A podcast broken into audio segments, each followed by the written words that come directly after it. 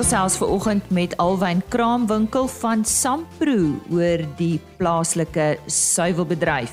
En 'n verskynsel dat 'n aantal produsente van onverwerkte melk daal in die groot melkproduserende lande. Dan ontmoet ons vir Kenaiwe Rapesu. Sy is uh, tydens die Lewende Hawe Registrerende Federasie, die LRF, se veeskool by Aldam as die opkomende rooi vleisprodusent van die jaar aangewys. Dis dan op RC Landbou vir oggend. My naam is Lise Roberts. Baie welkom en ek vertrou jy het 'n goeie naweek agter die rug. Kanaiwe Rapesu is 'n dinamiese ontwikkelende boer en direkteur van Mogalemone Farms naby van der Byl in Gauteng. Sy spog met 'n kommersiële bonsmara kudde terwyl sy mielie saai vir voerdoeleindes en 'n varkboerdery bedryf. Die slimkop wat 'n BCom graad in ekonomie en internasionale handel aan die Noordwes Universiteit verwerf het, is onlangs tydens die LRF se veeskool by Aldam as die opkomende vleisprodusent van die jaar aangewys. Christelise Miller het by haar op die plaas gaan kuier. Ons praat nou met Kenaiwe Rapesu, 'n opkomende boer van die Vereniging distrik in Gauteng wat uh, onlangs 'n eerbewys ontvang het. Kenaiwe, I think congratulations are in order. Briefly tell us about your farm. On the farm, it's a mixed farming. We do piggery, cattle, and crops on the farm. Yes. You the director of the I'm farm? the director of the farm. I farm along with my father, Dr. Mama Rapesu. When we look at your cattle breed, it's mainly your herd is um, is Bonsmaras. Why this breed? I've always loved cattle, but ever since I was part of the SAPMI program, that's when I fell in love more with the breed because that's the breed that they're dealing with. I fell in love with the body structure, the the, the type of meat quality it, it produces, the color even. So it was very different. And then the bulls, the the, the, the way they grow, that, that's how I fell in love with the breed. You have a degree in um, economics, Yes. And you're busy studying as well. How does your your knowledge and your degree? How does it help you in informing? In terms of the first degree, in terms of economics, accounting, I oh, I do the bookkeeping of everything that we buy and sell on the farm. It also helps. Economics helped me in terms of business management, the market analysis. It all it, it's very helpful as well. And also in terms of the current one that I'm doing, labor relations. Um, I think as farm as farmers we deal with a lot of labor disputes. So that's where it comes in. And also we, uh, psychology helps me more in terms of understanding the type of workers that we have. We've got different types of workers who have different types of skills and knowledge. Some of them don't even know how to write. Some of them don't even know how to speak english. So that's where both of the degrees come and correlate with each other in terms of developing with the workers and developing on the farm. You invest a lot in helping other farmers. You know, from, from a person who never went to school to study agriculture, I had a lot of challenges in understanding the way the system of agriculture works in terms of management.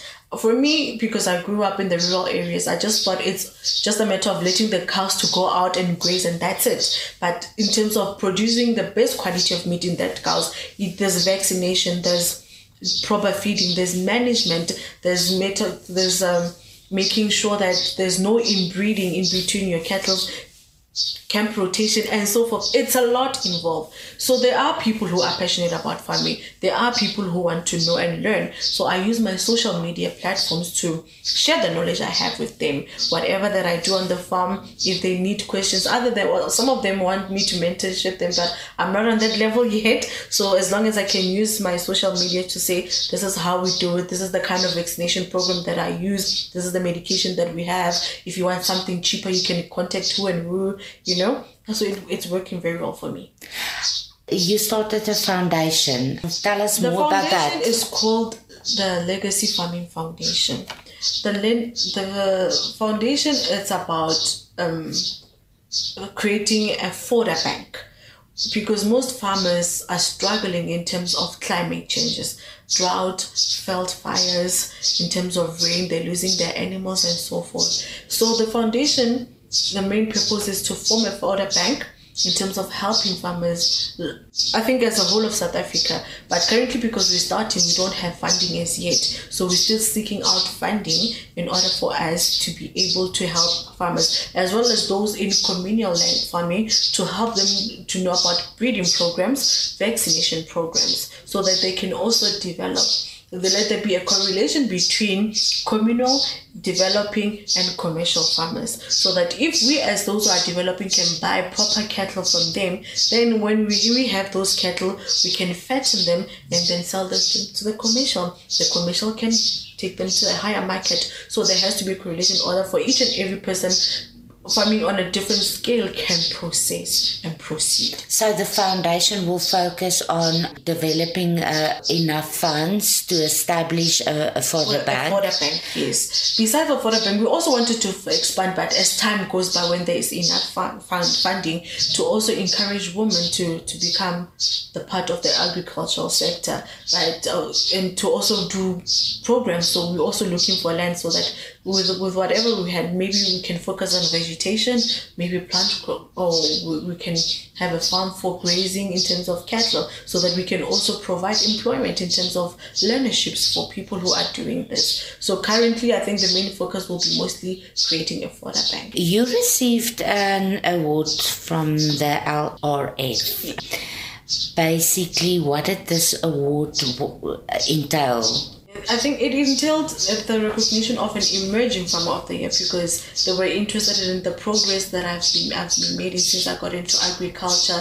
They've seen um, how I'm doing the, the the management of the farm processing of my own food, making sure that everything is running smoothly. So they gave me the recognition of um, the emerging farm of the year, which I'm very happy about and proud of myself. That finally, you know, something that I've been working on so hard, it's getting out there, getting the recognition to inspire and motivate other people. What drives you as a person? You know, because I'm I'm one person who's always looking for a skill and knowledge to acquire and I've got big dreams because I also want to be a commercial farmer. I want to have my own processing system whereby I process my own meat and having my own abattoir. So my goals inspire me a lot. They drive me to push back harder, to be out there, to learn and to do better. And also having a, my father who is also a farmer drives me a lot, you know, who's always behind my back with the shouting, the nagging and everything. So at the end of the day, he's pushing me very hard because I he's he, he's the reason why we why I am here today. What's your advice to other female farmers? Where where do they start? You know, start. Everybody wants always asking me where do I start. You start with what you are passionate about. If you are passionate about layers, do layers. If you're passionate about piggery, do piggery. Get a most get someone who can monitor you or who can be your mentor. Acquire any knowledge that, that you can acquire and the skill as well. There are courses if you don't have enough funding to do a full degree. There are three month certificates. There are a two week certificates. There are people who are out there like the National Youth Development who are funding young people who are still starting their businesses. Do that. Don't be afraid and say i can't do it. If you can't then then you, you definitely can't because you don't believe in yourself. Believe in yourself push harder acquire, acquire whatever that you need and always be motivated. Rome was not built in a day so not everything will happen in a day or in a few months but at the, at the end of the day you will eventually reach your goal. Do you think there's a future for uh, young female farmers in south africa? And What's your stance regarding land expropriation without compensation? You know, um, land is a very touchy issue for most people. But I also think, in terms of getting land, since it's an issue that why doesn't the government help women create cooperatives where they, whereby even if there isn't a lot of land, but even if they can give a, a few hectares and say maybe we need 10 people create a cooperative fund them with whatever that they can and then let them start to develop themselves. Because at the end of the day, the land issue is not going to end today. We still have a long way to go in terms of land. But for women, I think there is a there's enough space. Each and every environment has got enough space for a woman. As much as women are undermined in industries of mining or engineering or construction because it's a lot of labor intensive work and then we see as a, a woman cannot do it but they can because it's something that you love and you're passionate about when you do something that you love you don't get tired you know you don't even if you fail you still become persistent to continue. If you don't do something that you love when you fail it's okay. You don't even mind because you don't have any interest in it. So besides i've seen a lot of seminars. I think the minister's also doing seminars with the women programs. My worry is that yes there are programs. Yes there are seminars. Yes there are motivations. We're getting all the motivation. What about the capital what about resources? What about getting land? We can be motivated as much as we want to. You know, sometimes you don't even have to get motivated through the minister, but just by your neighbor who's a farmer, you get motivated. But where do you start if you don't have anything? So how is the, the motivation helping me if I don't have anything? You understand? How can that change though? Let there be programs that develop women. Let there be funding. Let there be resources. Let them be distributed equally so. You understand? We cannot say on an application form we, we're funding people from the age of 18 from the age of 18 i don't have anything. Right? I don't have land. Luckily are those who are like me who can get land from their fathers. But if i don't have anything how do you fund me so let's start with the main concern, which is space. You know, a person can own 17,000 hectares. How about we say, as the government say, we've got a thousand hectare, let's divide it into five people, two hectares each. It can do a lot of, a whole lot, a whole lot. So they can still help them. Uh, but at the end of the day, funding is still the main problem. Not everyone will get the funding. We have applied for many years in terms of infrastructure until today nothing you know so it's a struggle it's a struggle that we have faced today but we don't give up because we want to succeed so this is the sector that I'm most interested in and I love mostly. I'm not going anywhere until I get what I want. So if the government's not going to help me, I need to help myself. So in farming, you cannot have one stream of income. That's why I'm the mixed farming, so that I can have multiples in order to grow and develop. You said as well that your focus is going commercial. Yes, definitely. And international, maybe. soon, soon. Yes. What is your short term goals? My short term goals for now is producing the best of quality that I can. Make sure, in terms of piggery as well, make sure there's a lot of them because piggery helps me with the consistency of income on the farm. Unlike um, cattle, I have to wait a bit longer in terms of weaning station, what so not. In terms of the cattle, I want to produce the best of Bonsmara, probably become a stud breeder soon if everything goes according to plan. So that's for the short term. Long term, I want to have a feedlot. You know, in medium term, I want to have a feedlot. Long term, an abattoir, process my own meat. Your message to other female farmers and males to the farming Anyone industry. Anyone who's interested in farming, um, as much as it can be a bumpy road, whatever that you can do to seek farming, to seek the skill, to seek the knowledge. Yes, it's not easy to go onto other people's farm and ask, hey, can you please be my mentor? Because we're also looking at the things that are affecting us internally. So we can't just allow anyone on the farm.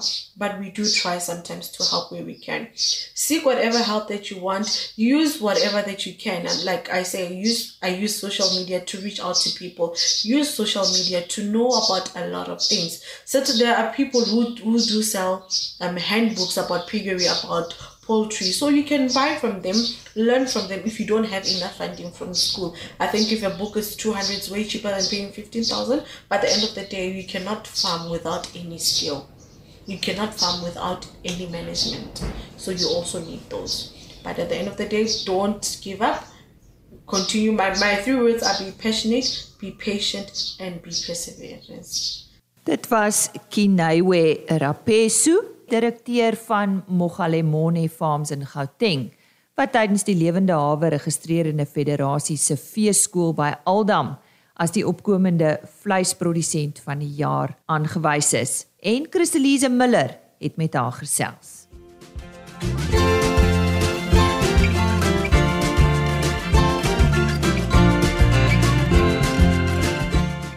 Alwyn kraamwinkel van Sampro en Sampro staan vir die South African Milk Processors Organisation het onlangs in die ateljee kom kuier om oor die plaaslike suiwelbedryf te gesels.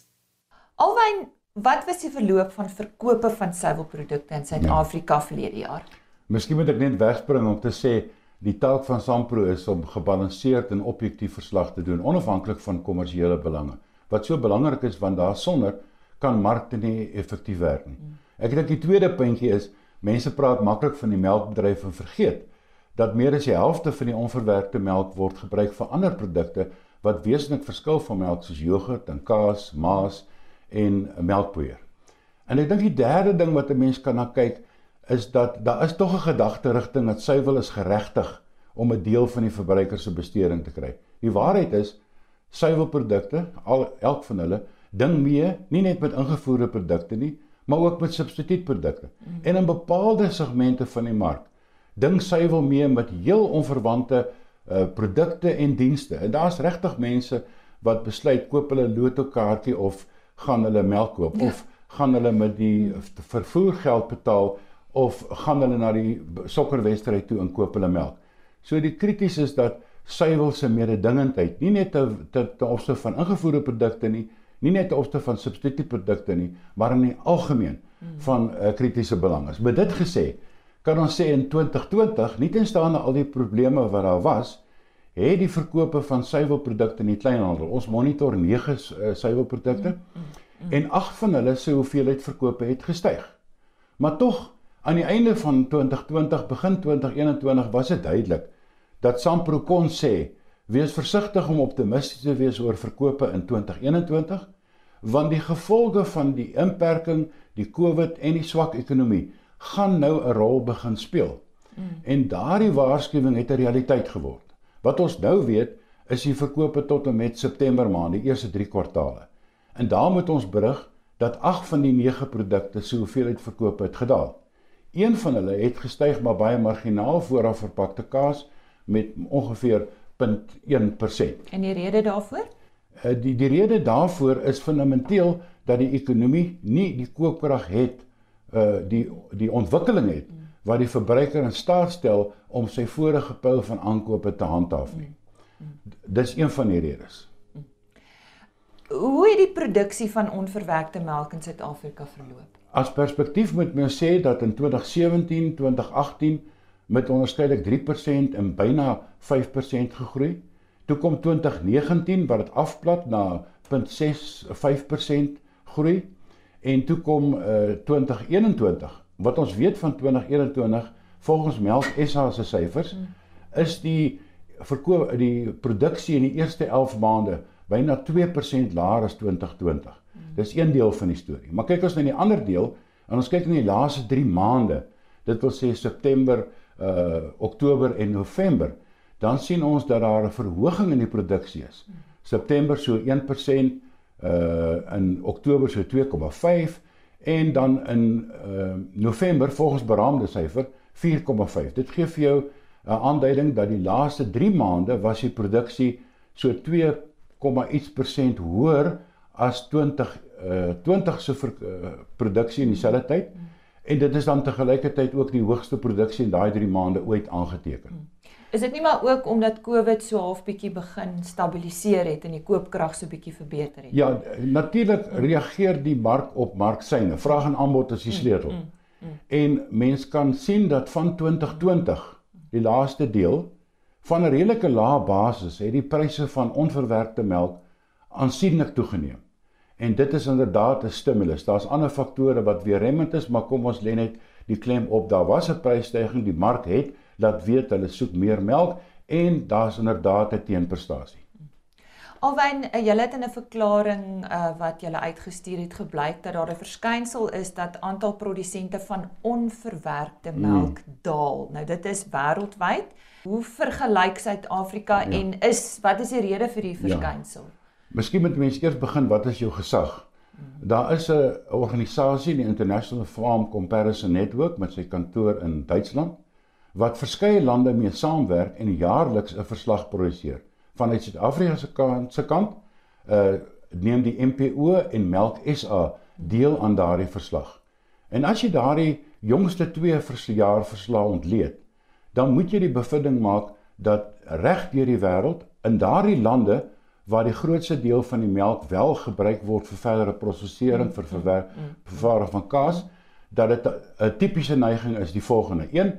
Die aantal deelnemers neem vinnig af, die aantal produsente en tweedens die produksie neem toe. Nou moet mens 'n bietjie van 'n langtermynsiening neem en sê 30 jaar terug was die produksie van onvermelkte melk kon jy wegkom met 'n redelik ongesofistikeerde uh, boerdery. Wêreldwyd het daar 'n tegnologie ontploffing gekom en dat dit baie meer gesofistikeerd geword. Die moderne produsent van onverwerkte melk moet heeltemal gemaklik wees om van grondkunde tot dierevoeding te hanteer. Dit het 'n uiters spesialis veld geword en bo en al behalwe dit is dit een van die min boerdery vertakkings wat uh in die wêreld wat werklik 7 dae 'n week en 52 weke in 'n jaar elke dag in die suiwelbedryf is inderdaad 'n oesdag. Mm. En daar's soveel veranderlike sodat jou vlak van sofistikasie en jou tegnologie om te meet wat gebeur met individuele diere, wat gebeur met die grond, wat gebeur met besproeiing, het so toegeneem en jy moet 'n man op 'n perd wees om daai tegnologieë te gebruik. Dis een ding om dit te hê, dis 'n ander ding om dit te vertolk en toe te pas. Dit wil sê die hoër gesofistikeerdheid wat nodig is wêreldwyd Dis belangrik om daarop te let dat en daar is 'n opvatting dat dit as gevolg van prys of watter faktor ook is. Die waarheid is as jy kyk na 'n land soos Kanada mm. waar daar prysbeheer is, daar's produksiekwotas, daar is hoë vlakke van beskerming. Ook in Kanada het die uh aantal produsente afgeneem terwyl die produksie toegeneem het. Uh die belangrike punt daar is dat byvoorbeeld Kanada se prys volgens daardie verslag is 69% hoër as die wêreldprys. Reg langsom sit die FSA wat 11% hoër is. Die EU met 3% hoër. Mm, mm. Wat 'n baie goeie sterk aanduiding wees. Die ander faktor wat ook 'n rol speel is daar is sterk koöperasies waar die besigheidsbelange van die boer en die produsent en die prosesseerder eintlik integreer. Maar ook daar het hierdie daling plaasgevind. So of jy 'n beheerstelsel het en of jy 'n vrye markstelsel het. Nie net in die suiwelbedryf, die enige bedryf. Hmm. Jy kan net om in die straat afkyk, daar's winkels wat toemaak en daar's winkels wat groter word. Dit gaan oor mededingendheid. Alwen ervaar die Suid-Afrikaanse suiwelbedryf betekenisvolle stygings in die pryse van insette? Daar's twee dele daarin. Aan die een kant is 'n 'n prys soos mielieprys en die sojaprys is baie belangrik vir die produsente van onverwerkte melk. En daar was tog 'n hoop met die groot oeste dat daar 'n prysdaling Die die pryse het nie gedaal nie en dis 'n beperking vir onverwerkte melk. Maar in die tweede helf, laaste kwartaal van laas jaar het daar uiters onverwagte en baie hoë prysstygings na vore gekom. Dramatiese stygings op kunsmis, die dramatiese stygings op uh plant uh, chemikalieë, mm, mm, mm. die chemikalieë van die plase, maar ook die chemikalieë wat in die fabriek is. Soos jy weet word daar baie chemikalieë ook gebruik om higiëne te handhaaf. So daar het geweldige prysstygings plaasvind, maar ook op masjinerie en toerusting. So dis korrek om te sê dat die suiwelbedryf primêr en sekondêr soos baie ander bedrywe onkant gevang is met aansienlike kostestygings. En as jy daardie kostestygings ten volle deurgee in die mark, gaan dit 'n negatiewe invloed hê op verkope. So jy hulle sit eintlik in 'n knyptang situasie. Kosse styg en die ruimte om van die verbruiker te sê koop dieselfde hoeveelheid teen 'n hoër prys is nie baie sterk nie. Dis nie baie. Ek het vroeër verwys na uitdagings, so watter uitdagings staar die Suid-Afrikaanse suiwelbedryf in die gesig om mee af te sluit? Mense kan twee kategorieë daar onderskei. Daardie uh, uitdagings wat net individuele uh melkprodusente en individuele prosesseerders kan hanteer. En dan is daar die wat gesamentlike optrede verg. En daarvoor het jy Melk SA waarvan die MPO lid is sowel as wat uh, Sampro lid is. Daardeur word gemeenskaplike uitdagings hanteer. As jy kyk in geheel dan dink ek is hierdie koste knyptang is 'n groot uitdaging. Maar daar's ook baie ander uitdagings. As ons nou kyk, dis uit so belangrik om werklik gebalanseerde objektiewe marksyne beskikbaar te stel. Sampro maak sy verslae aan alle partye bekend wat belangstel, want daarsonder kan die mark nie effektief werk nie en as die mark nie effektief werk nie, gaan jy kroniese oor en onder aanbod kry.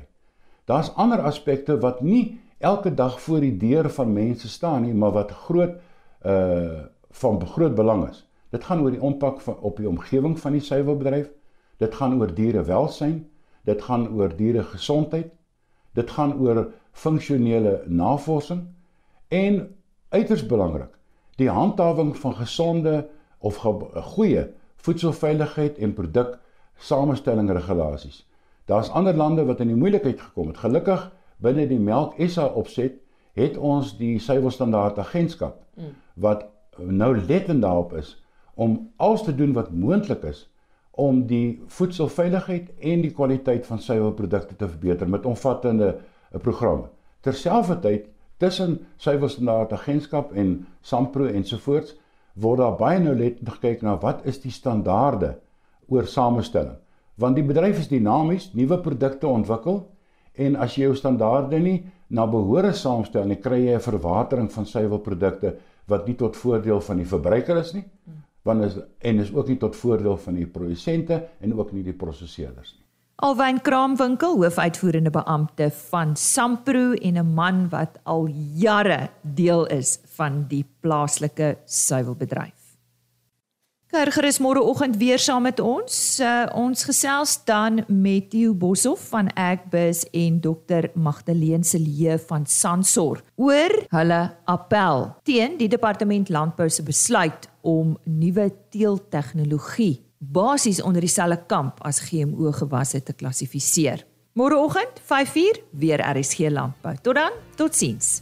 RSG landbou is 'n plaas media produksie met regisseur en aanbieder Lize Roberts en tegniese ondersteuning deur Jolande Rooi.